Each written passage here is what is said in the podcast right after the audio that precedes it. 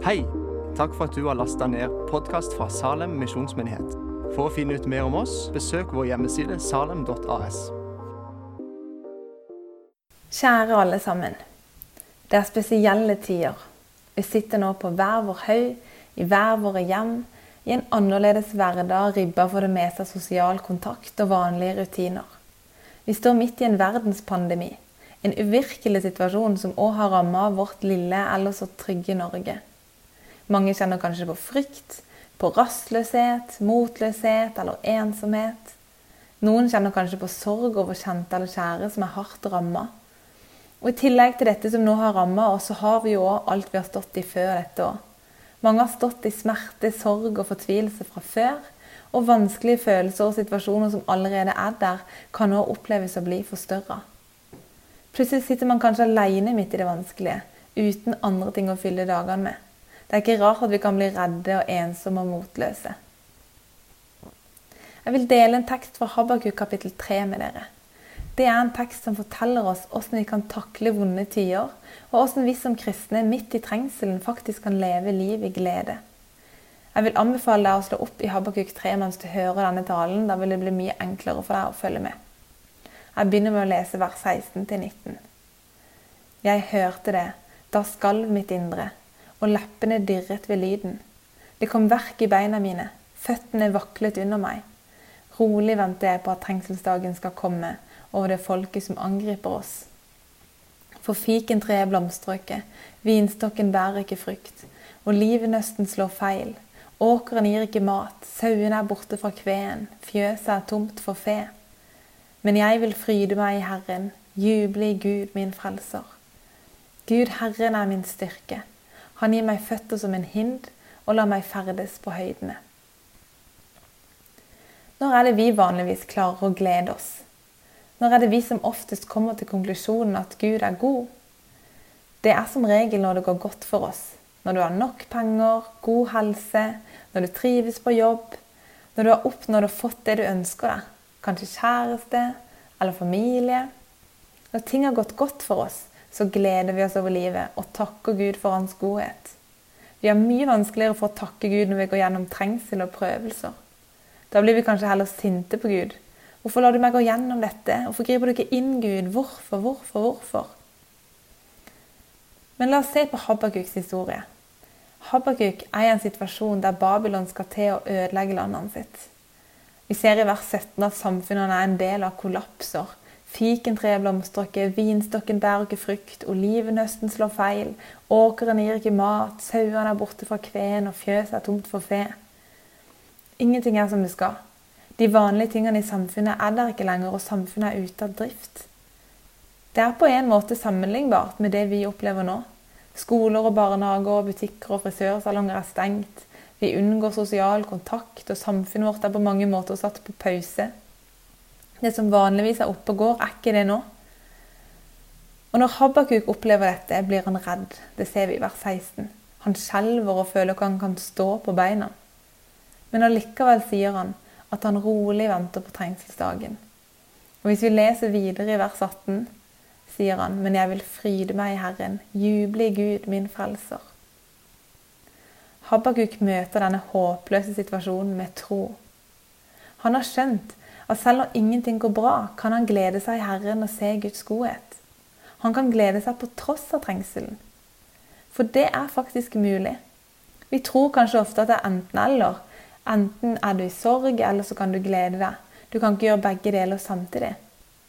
Men Habakuk fryder seg og jubler over Gud i sorgen, i trengselen.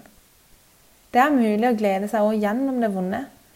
Midt i trengselen og midt i sorgen. Det handler ikke om å glede seg over trengselen, om å glede seg når han er over, eller om at gleden erstatter trengselen. Men om at gjennom og i trengselen er det òg mulig å glede seg og se Guds godhet. Egentlig er glede helt uavhengig av omgivelsene våre og det som skjer rundt oss. Det er Habakuk et eksempel på her. Vi skal se litt nærmere på hva vi kan lære av Habakuk om hvordan vi kan håndtere vanskelige tider. Så først, hva vil egentlig si å glede seg i trengsel, da? Det høres veldig fint ut, og kanskje litt urealistisk. Så hva er det egentlig? Vers 19 beskriver dette med et bilde. Det står Gud Herren er min styrke. Han gir meg føtter som en hind og lar meg ferdes på høydene. Å gå på et høyt fjell kan være veldig farlig. Jeg ser for meg et høyt, spisst fjell med flere tusen meter ned på hver side. Er du ikke forsiktig når du går på sånt høyt fjell, så kan det være kjempefarlig. Hvis du snubler eller sklir én gang, så er du kanskje ferdig. Men hvis du vet hva du skal gjøre, hvis du kan bevege deg rundt uten å skade deg, så er kanskje toppen av fjellet et av de tryggeste stedene du kan være. Når tsunamien kom i Thailand, så rømte folk opp i fjellene. Der er man høyere oppe, man er tryggere. Skulle et land bli angrepet enten i krig eller av sykdom, som sånn nå, så vil det òg være mye tryggere på toppen av et fjell. Der er det ingen som kommer opp og tar deg. På toppen av fjellet får du òg en oversikt og et overblikk ikke de andre har. Så å være på toppen av et fjell kan enten være veldig farlig eller veldig trygt, avhengig av om du vet hvordan du skal ferdes eller ikke. Når trengselen kommer til oss, er det som om vi åndelig blir dytta opp på fjellet. For noen vil høyden være farlig, for andre vil han være trygg. Trengsel vil enten gjøre deg til en verre eller en bedre versjon av deg sjøl. Kanskje gjør han deg bitter, hard eller sur og gretten på alt og alle. Eller kanskje får han deg til å bli ydmyk og søke Gud dypere. Be mer og legge det vanskelige på Gud. Trengselen vil kunne ødelegge deg. Man sier jo ofte at 'what doesn't kill you makes you stronger', men jeg tror ikke det nødvendigvis alltid stemmer. Et menneske kan møte så mye motgang at man til slutt knekker. Trengsel kan være farlig, det kan ødelegge deg. Men det kan òg bygge karakter i deg. Føre deg nærmere Gud og hjelpe deg å se ting fra et større perspektiv. Så fins det selvfølgelig flere grader av disse to motsetningene. Men jeg tror ofte vi vil dras mot den ene eller den andre sida. Og nøkkelen for å dras mot den gode sida er å lære seg å ferdes i høyden. Og å kunne ferdes på høydene det har med Guds relasjon å gjøre. Det er ikke noe vi skal gjøre eller klare sjøl. Det er noe Gud gjør for oss når vi søker Han. Habakuk sier jo i vers 19.: Han gir meg føtter som en hind, og la meg ferdes på høydene. Hvis du søker Gud i trengselen, vil Gud la deg ferdes på høydene. Lære deg å ferdes i trengselen. Og selv om du fortsatt er på fjellet, fortsatt i trengselen, så er det egentlig det tryggeste stedet du kan være. For å være nær Gud og i Guds nærhet er dypest sett det aller tryggeste for oss som mennesker. Og hvis trengselen hjelper oss å komme dit, da er det dypest sett bedre for oss enn om alt hadde vært bra rundt oss. Fjellet kan enten være det farligste eller det tryggeste stedet å være. Men selv om vi så skulle ønske å la Gud lære oss å ferdes på høydene og hjelpe oss å glede oss i trengselen, åssen gjør vi det? Glede er jo ikke en følelse som kommer bare vi holder ut lenge nok. Paulus sier 'gled dere i Herren alltid', men det går ikke an å kommandere noen til å glede seg. Og Derfor er det ikke det Paulus gjør heller. Han snakker om disiplin. For det fins noe vi kan gjøre for å komme dit Habakuk var. Det vi nemlig ser at Habakuk gjør, hvis vi leser versene i forkant av vers 16 nå, og som vi kan se eksempler på gjennom hele Bibelen, er å huske på evangeliet. Vi må huske på det som er sant om Gud, og repetere det for oss sjøl. Vi må ta det vi allerede vet om Gud, og det vi vet han har gjort, og koble det til vår nåtid og vår situasjon. Vi kan bruke en historie fra Bibelen som eksempel. De fleste av oss kjenner historien om når Jesus stiller stormen.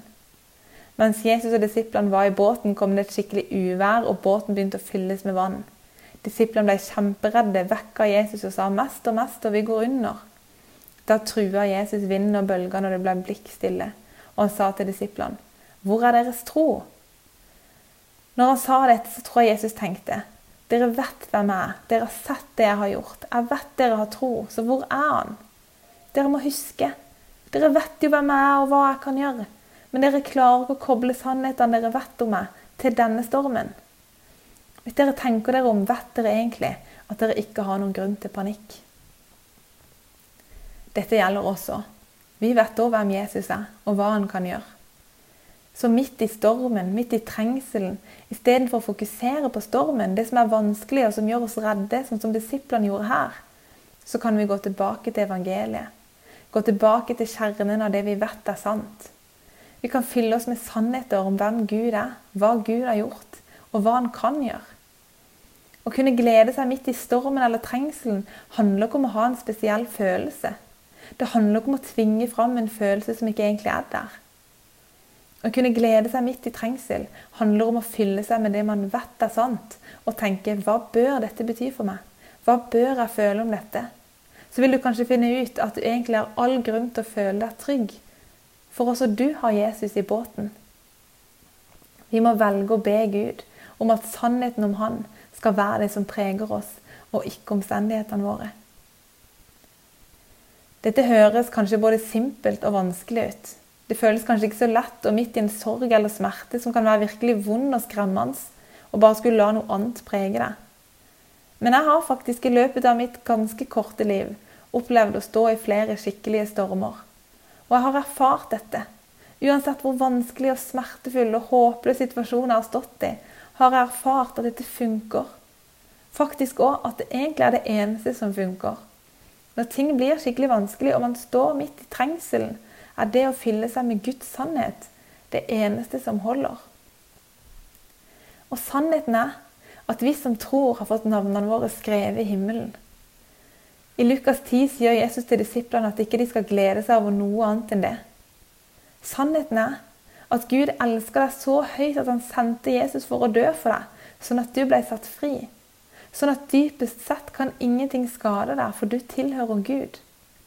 I det store bildet er det ikke de jordiske, forgjengelige tingene som betyr noe. Det er det at vi er i Guds hånd, i Guds trygge hånd, helt ut i evigheten, som betyr noe. Og han vil ikke slippe taket. Sannheten er at når du gir Gud din svakhet, så vil han gi deg sin styrke. Sannheten er at Gud har ført deg gjennom vanskelige ting før, og han vil føre deg gjennom det igjen.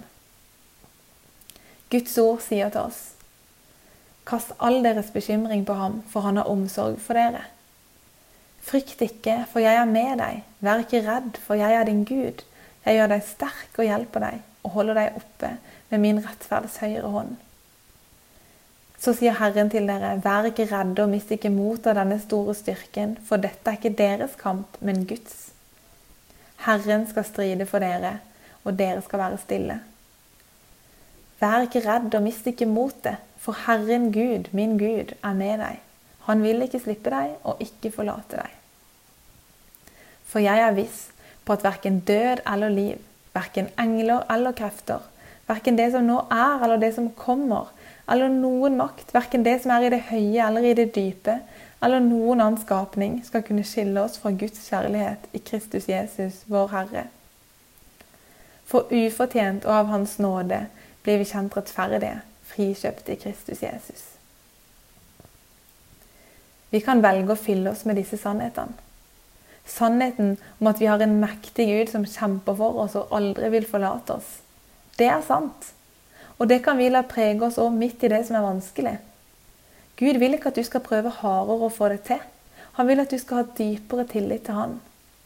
Hvis du klarer å stole på Gud og la det perspektivet prege deg, vil det endre deg. Å stole på Gud i lyset når livet er godt og enkelt, det klarer de fleste. Det er ikke noe å skryte av. Men å stole på Gud i mørket og trengselen, det er tro. Vi må hver dag velge å tro framfor å frykte. Nøkkelen til å klare å glede seg og gjennom trengselen er altså å huske på evangeliet. Fylle oss med sannheten. La Gud hjelpe oss å se stormen i et større perspektiv. Og søke Gud i vår svakhet. Når livet gir deg mer enn du klarer å stå i, så knel. For når du gjør bekymringene dine om til tilbedelse, så vil Gud gjøre kampene dine om til velsignelser. Og den eneste måten vi kan erfare at Gud faktisk har kontroll, er ved å være i situasjoner vi sjøl ikke kan kontrollere.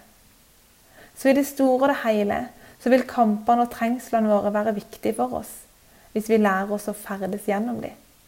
Det vil vise oss mer av Guds karakter og føre oss nærmere Gud enn hvis alt alltid hadde vært lett. Vi som er kristne, vi har egentlig alltid en grunn til å glede oss, eller alltid iallfall minst seks store ting å glede oss over. Én, vi kan glede oss over det Jesus har gjort for oss, og hvem vi er i Han. To, vi kan glede oss over at vår Gud er mektig, og han vil aldri forlate oss eller slutte å bry seg om oss. Tre, vi kan glede oss fordi vi har en Gud som vil hjelpe oss med å få noe godt ut av det vonde. Gud vil alltid snu det vonde til noe godt. Fire, vi kan glede oss over at disse gode tingene aldri kan tas bort fra oss. Fem, som Guds folk kan vi glede oss over at det beste alltid vil ligge foran oss. Seks, og midt i stormen, midt i trengselen, kan vi glede oss over at Guds fred, som overgår all forstand, skal bevare våre hjerter og tanker i Kristus Jesus. Å få en overnaturlig fred som egentlig overgår all menneskelig fornuft, er fullstendig mulig. Jeg har opplevd det på nært hold flere ganger i det siste. Selv om omstendighetene våre og situasjonen vi står i, ikke tilsier at vi skal ha fred, så er det fullstendig mulig for Gud å fylle oss med sin overnaturlige fred, som overgår all fornuft. Dette kan Gud føre oss inn i. Denne gaven kan vi ta imot. Og kanskje er det nettopp noe av det det vil si å kunne ferdes på høydene.